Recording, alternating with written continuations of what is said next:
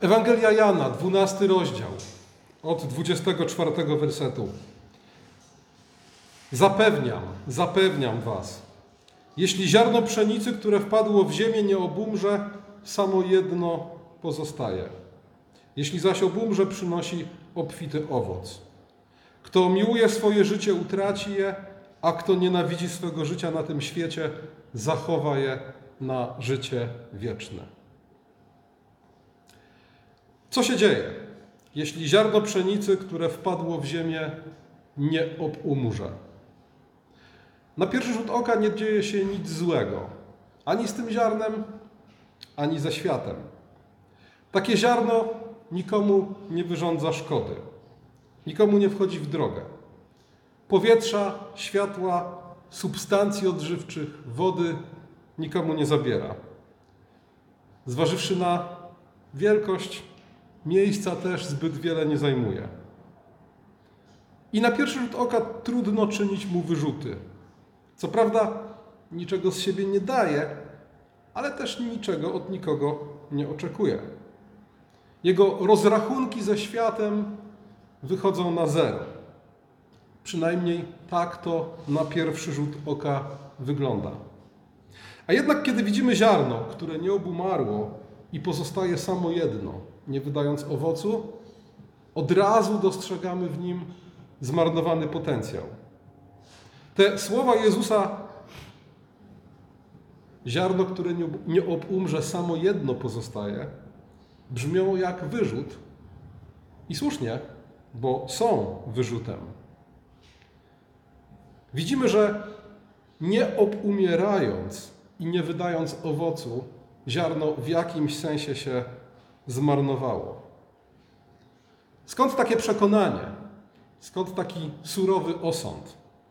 Ano stąd, że rozpoznajemy różnicę pomiędzy ziarnem pszenicy, a na przykład kamieniem, któremu nikt nie czyni zarzutów, że nie wydaje owocu.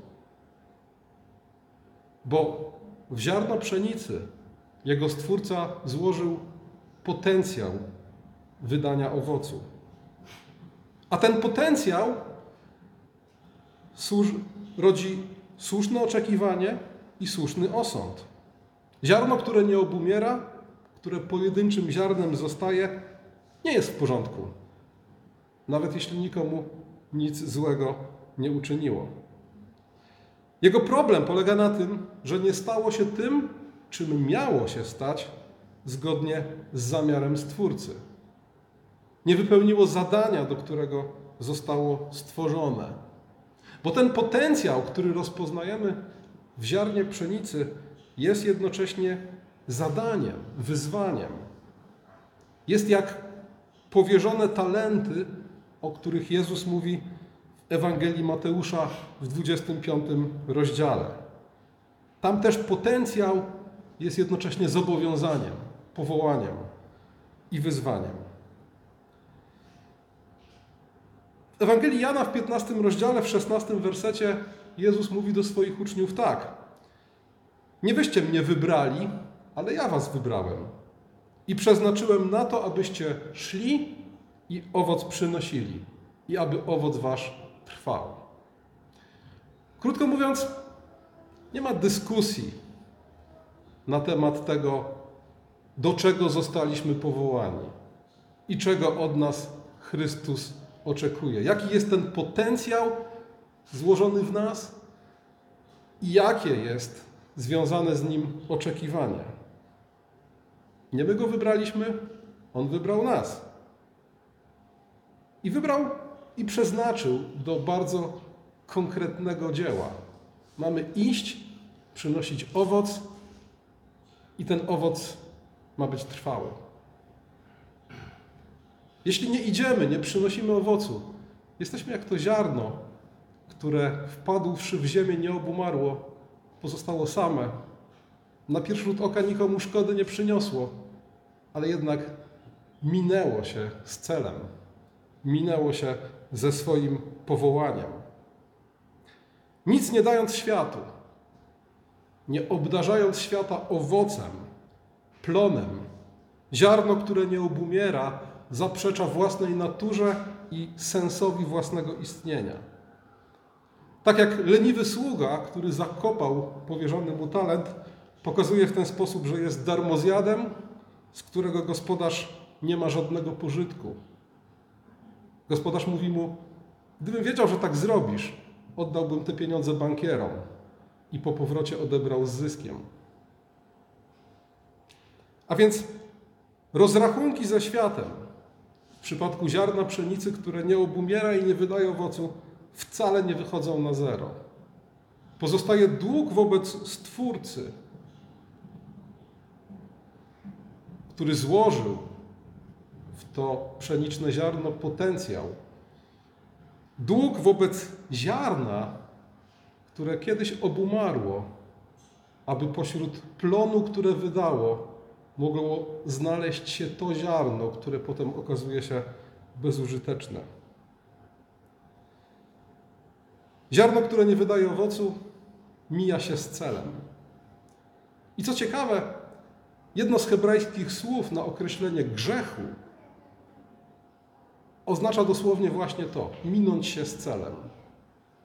Grzech polega na tym, że chybimy celu, że nie realizujemy tego, do czego jesteśmy powołani, nie wypełniamy tego, co jest naszym zadaniem.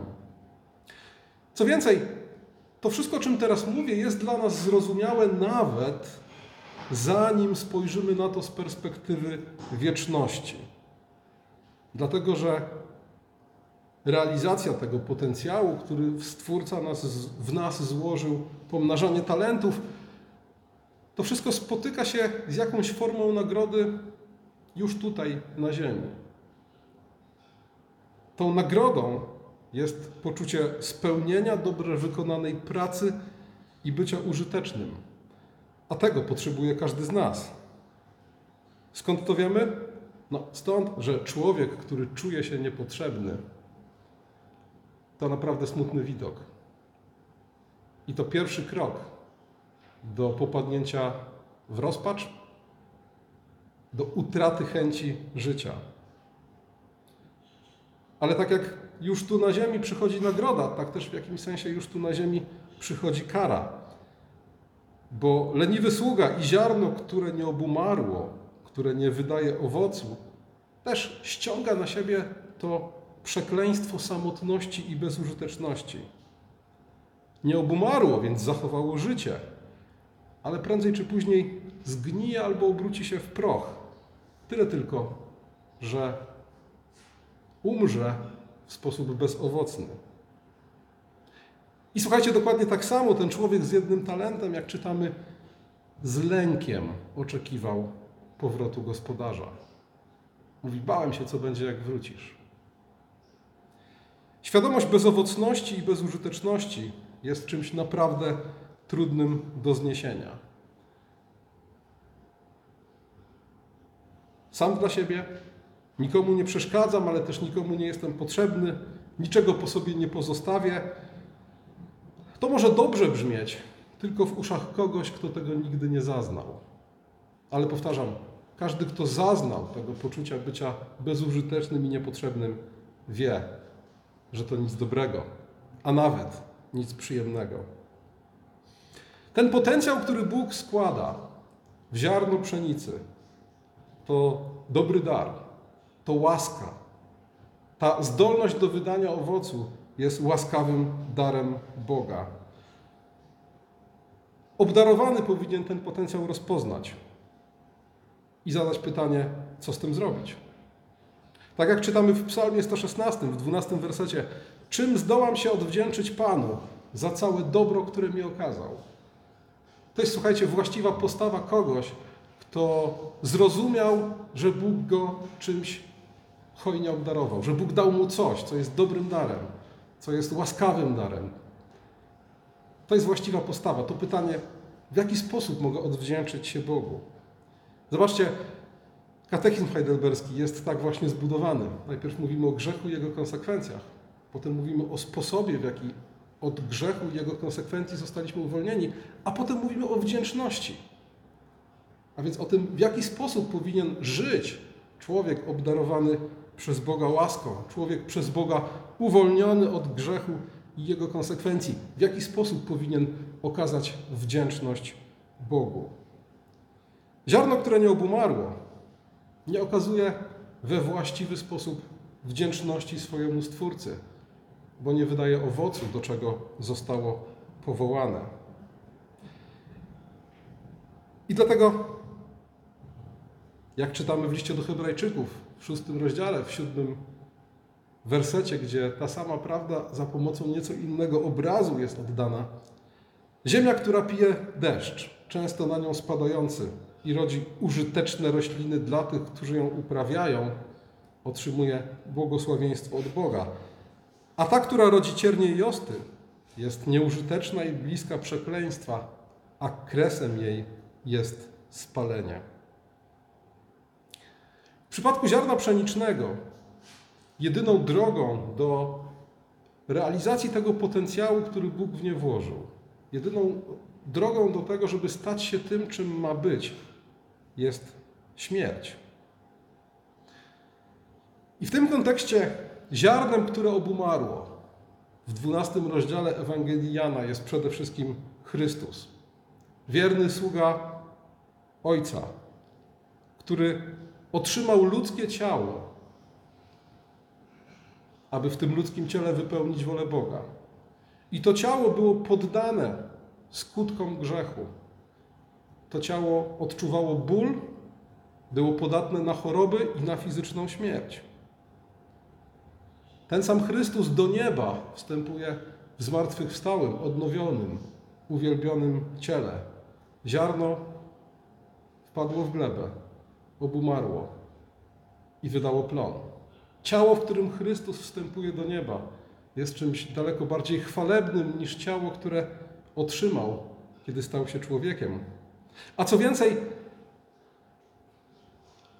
plonem i owocem tego pszenicznego ziarna, którym był Chrystus wcielony w człowieka, jest Jego ciało, którym jest Kościół. To jest ten obfity plon, to ziarno, które z tego jednego ziarna pochodzi, a dzisiaj rozsypane jest po całej ziemi. Zwróćcie uwagę na kontekst, w jakim te słowa o ziarnie pszenicznym padają. Ten fragment e, Bogumił czytał przed kazaniem. Ale wszystko zaczyna się werset wcześniej. Bogumił czytał od 20 wersetu, a w 19 wersecie padają znamienne słowa. To dzieje się po triumfalnym wjeździe Jezusa do Jerozolimy w niedzielę palmową. Faryzeusze, widząc tłumy ludzi idące za Jezusem, mówią: Nic już z tym nie zrobimy. Świat poszedł za nim. I niejako na potwierdzenie tych słów w 20 wersecie przychodzą Grecy. Podchodzą do Filipa. Dlaczego do niego? Miał greckie imię i pochodził z Galilei, więc prawdopodobnie swoim akcentem i zachowaniem zdradzał to, że jest Galilejczykiem, a Grekom dużo łatwiej było porozumieć się z Galilejczykami, bo w Galilei Greków mieszkało dużo, o czym świadczy chociażby greckie imię Filipa i wiele pewnie przyjętych przez Galilejczyków zwyczajów. Więc właśnie do niego, jako do swego rodzaju pośrednika pomiędzy Grekami, a mniej z perspektywy Greków dostępnymi Judejczykami, do niego właśnie podchodzą Grecy i mówią: Chcemy ujrzeć Jezusa. I wtedy Jezus, który dotąd kilkukrotnie mówił: Nie nadeszła jeszcze moja godzina, w tym momencie, kiedy słyszy prośbę Greków, którzy chcą go zobaczyć, mówi: Nadeszła godzina, aby został uwielbiony syn człowieczy. Zaprawdę, zaprawdę powiadam wam, jeśli ziarno pszenicy wpadłszy w ziemię nie obumrze, zostanie samo, ale jeśli obumrze, przynosi plon obfity. A więc zwróćcie uwagę, że Jezus te słowa o ziarnie, które wpada w glebę, obumiera, wydaje obfity plon,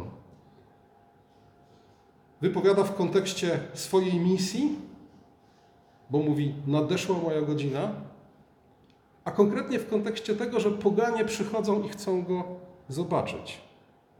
A więc te narody, które przyjdą do Chrystusa, do tego ziarna, które wpadło w ziemię, obumarło, ale wydaje plon. Te narody, których zapowiedzią są Grecy przychodzący do Jezusa w 12 rozdziale Ewangeliana, to one właśnie są tym owocem. I kiedy Jezus mówi nadeszła godzina, mówi nadeszła godzina owocowania. Nadeszła godzina, kiedy ziarno musi obumrzeć, po to, aby móc wydać plon. Krótko mówiąc, muszę umrzeć, aby Ewangelia dotarła do narodów, aby Kościół, ten owoc i plon mojej śmierci, mógł objąć całą ziemię, wszystkie narody, ludy i języki. I dlatego nie uciekł z Getsemane i dlatego nie zszedł z krzyża. W tym wszystkim Jezus Chrystus objawia, że rozpoznaje ten potencjał i powołanie, które otrzymał od Boga. I że jest, jak to mówił Bonhoeffer, nie człowiekiem dla siebie, ale człowiekiem dla innych. Swoje życie, swoją misję tu na ziemi widzi w kategoriach tego, co ma do zrobienia dla świata, dla tych Greków, którzy przyszli i powiedzieli: Chcemy zobaczyć Jezusa. Dla tych wszystkich, którzy dzisiaj są częścią Jego ciała, częścią tego plonu, jaki wydało ziarno, które wpadłszy w ziemię, obumarło. Naśladowanie Chrystusa polega na tym samym. Być człowiekiem dla innych. Być gotowym do rozpoznania w sobie tego powołania i potencjału, które każe nam umrzeć dla siebie, po to, abyśmy mogli prowadzić nowe życie dla Boga, po to, abyśmy mogli prowadzić nowe życie skoncentrowane na służbie dla naszych braci. To właśnie z tej zasady ziarna, które wpada w ziemię i obumiera, wywodzi się ta specyficznie chrześcijańska gotowość do poświęceń. To umiłowanie życia, które przybiera postać gotowości na śmierć w nadziei zmartwychwstania. I kiedy pytamy, tak jak psalmista, czym się odpłacę Panu za wszystkie dobrodziejstwa, które mi wyświadczył, odpowiedź znajdujemy na przykład w liście do Rzymian, gdzie najpierw przez 11 rozdziałów apostoł Paweł wyjaśnia, czym jest Ewangelia, a od 12 rozdziału mówi: W związku z tym wszystkim, co Wam powiedziałem, bracia, wzywam Was, złóżcie swoje ciała na ofiarę. Niech Wasze życie będzie ofiarą całopalną dla Boga, co, jak czytamy w dalszych fragmentach listu do Rzymian, oznacza służbę ludziom. Próba zachowania życia, przed czym Jezus przestrzega, to próba pozostania człowiekiem dla siebie. Człowiekiem, którego sensem i celem życia jest zaspokajanie własnych potrzeb, a nie służba innym. Życie, moje życie jest moje, należy do mnie i dlatego chcę je zachować. Zasada ziarna pszenicznego mówi: musisz je stracić, żeby je odzyskać w lepszej, doskonalszej formie. A, alternatywną, a alternatywą jest umrzeć bezpłodnie i bezowocnie. W liście do Rzymian w 14 rozdziale od 7 wersetu czytamy: Nikt z nas nie żyje dla siebie, nikt nie umiera dla siebie. Jeżeli żyjemy, żyjemy dla Pana. Jeżeli umieramy, umieramy dla Pana. I w życiu więc, i w śmierci należymy do Pana. Nie jesteśmy dla siebie, jesteśmy dla Pana, a w konsekwencji dla innych. Nie możemy trzymać się kurczowo tego życia, którego i tak utrzymać nie jesteśmy w stanie. Musimy je w pewnym sensie wypuścić z rąk, oddając nad nim kontrolę naszemu Panu. Choć On i tak tę kontrolę sprawuje. Bardziej chodzi tu o to, abyśmy my zdali sobie z tego sprawę i postępowali według tego. Katechizm heidelberski przypomina nam, że naszą pociechą jest właśnie to, że nie należymy do siebie, ale że w życiu i w śmierci należymy do Chrystusa. Co to oznacza w praktyce? Czasami gotowość do męczeńskiej śmierci za wiarę, ale znacznie częściej bardzo praktyczna, codzienna duchowość, bardzo praktyczne, codzienne duchowe życie, którego jednym z aspektów jest szafarstwo. Szafarstwo, więc rozpoznanie, że wszystko, co mamy, pochodzi od Boga, wszystkie nasze możliwości, dary, czas, pieniądze i cokolwiek innego, a otrzymaliśmy to po to, żeby tym mądrze zarządzać i hojnie tego udzielać potrzebującym. W większości przypadków tak właśnie dokonuje się obumieranie ziarna pszenicznego i wydawanie plonu. Dokonuje się w ten sposób, że rozpoznajemy potencjał i powołanie, które Bóg w nas złożył. Rozpoznajemy to, że nie my go wybraliśmy, ale On nas wybrał. Że celem naszego życia na Ziemi jest, aby wydawać owoc i aby ten owoc był trwały. A w związku z powyższym gotowi jesteśmy złożyć swoje życie jako ofiarę całopalną dla Boga, poświęciwszy je służbie Bogu i bliźnim. W ten sposób umieramy, w ten sposób rodzimy się do nowego życia, w ten sposób wydajemy obfity plon. Dzisiejsza niedziela jest bardzo specyficzną niedzielą, biorąc pod uwagę czas pasyjny. Gdybyście znaleźli się w tę niedzielę, a więc w czwartą niedzielę Wielkiego Postu, na przykład w Niemczech i poszli do jakiegoś e, konserwatywnego luterańskiego kościoła, moglibyście się zdziwić, ujrzawszy pastora w różowym ornacie albo z różową stułą. Nie należy się niepokoić, nic złego się nie dzieje. Nie jest to żadna niebezpieczna nowinka. Jest to bardzo stary, średniowieczny zwyczaj, bo ta niedziela czwarta Wielkiego Postu nazywa się niedzielą laterę, a więc radujcie się. Stąd ten różowy kolor, który w średniowieczu był uważany za symbol radości. Tę niedzielę zaczynamy od słów z księgi proroka Izajasza. Radujcie się z Jeruzalemem, wszyscy, którzy je miłujecie. Wykrzykujcie radośnie z nim wszyscy. Skąd to wezwanie do radości pośrodku Wielkiego Postu? I skąd ta Jerozolima? Pamiętajcie, że tak jak Jezus umiera i zmartwychwstaje, a przed śmiercią zapowiada swoją śmierć i zmartwychwstanie. Dokładnie to samo dzieje się z Jerozolimą. Jerozolima umiera jako stolica Izraela, Starego Przymierza, a zmartwychwstaje jako Kościół. I kiedy Jezus mówi, nadeszła godzina, w odpowiedzi na prośbę Greków, którzy chcieli go zobaczyć. Co ma na myśli? Ma na myśli to, że tak, już nadszedł ten czas. Lada moment ziarno zostanie rzucone w glebę. Chrystus umrze po to, aby mógł zmartwychwstać i pociągnąć ku sobie wszystkich, łącznie z tymi Grekami, którzy go szukają. Lada moment Jerozolima umrze i powstanie do życia jako nowy lud Boży, jako Kościół. Jerozolima, która bardzo często sprzeniewierzała się swojemu powołaniu i zamiast być miastem na górze, miastem dla innych, świadectwem wiary i życia dla Boga,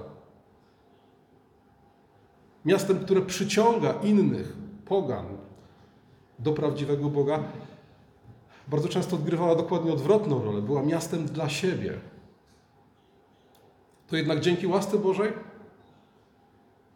umierając w tej starej postaci, odrodziła się jako Kościół, który wydaje owoc na całym świecie. W pewnym sensie to nadal nie odpowiada na pytanie, skąd to wezwanie do radości pośrodku Wielkiego Postu, bo można by powiedzieć, to nie jest czas na radość. Jesteśmy w przededniu śmierci Chrystusa i w przededniu śmierci Jerozolimy. Psalm 126 mówi o tym, że rzeczą w jakimś sensie naturalną jest siew we łzach. Żniwo odbywa się w radości. Ale dzisiejsza niedziela jest właśnie takim wezwaniem do radości na etapie siewu. To jest takie wezwanie do radości na etapie, kiedy ziarno pszeniczne dopiero wpada w ziemię. I taka radość jest o tyle cenna, że ona nie wynika z oglądania. My jeszcze nie widzimy tego plonu. Ta radość wynika z wiary. Dzisiejsza niedziela jest wezwaniem do radości płynącej z wiary. Do radości, która pozwala cieszyć się nam tym, że ziarno wyda błogi owoc i plon, pozwala nam cieszyć się tym na etapie, kiedy ono dopiero wpada w ziemię. To jest bardzo ważna lekcja dla nas, żebyśmy na etapie, kiedy raczej umieramy, a więc na etapie, kiedy doświadczamy raczej tych trudności związanych z życiem dla Boga, z służbą dla innych, abyśmy już na tym etapie cieszyli się tym plonem, tym owocem, którego jeszcze nie widzimy, ale którego z wiarą oczekujemy. Amen.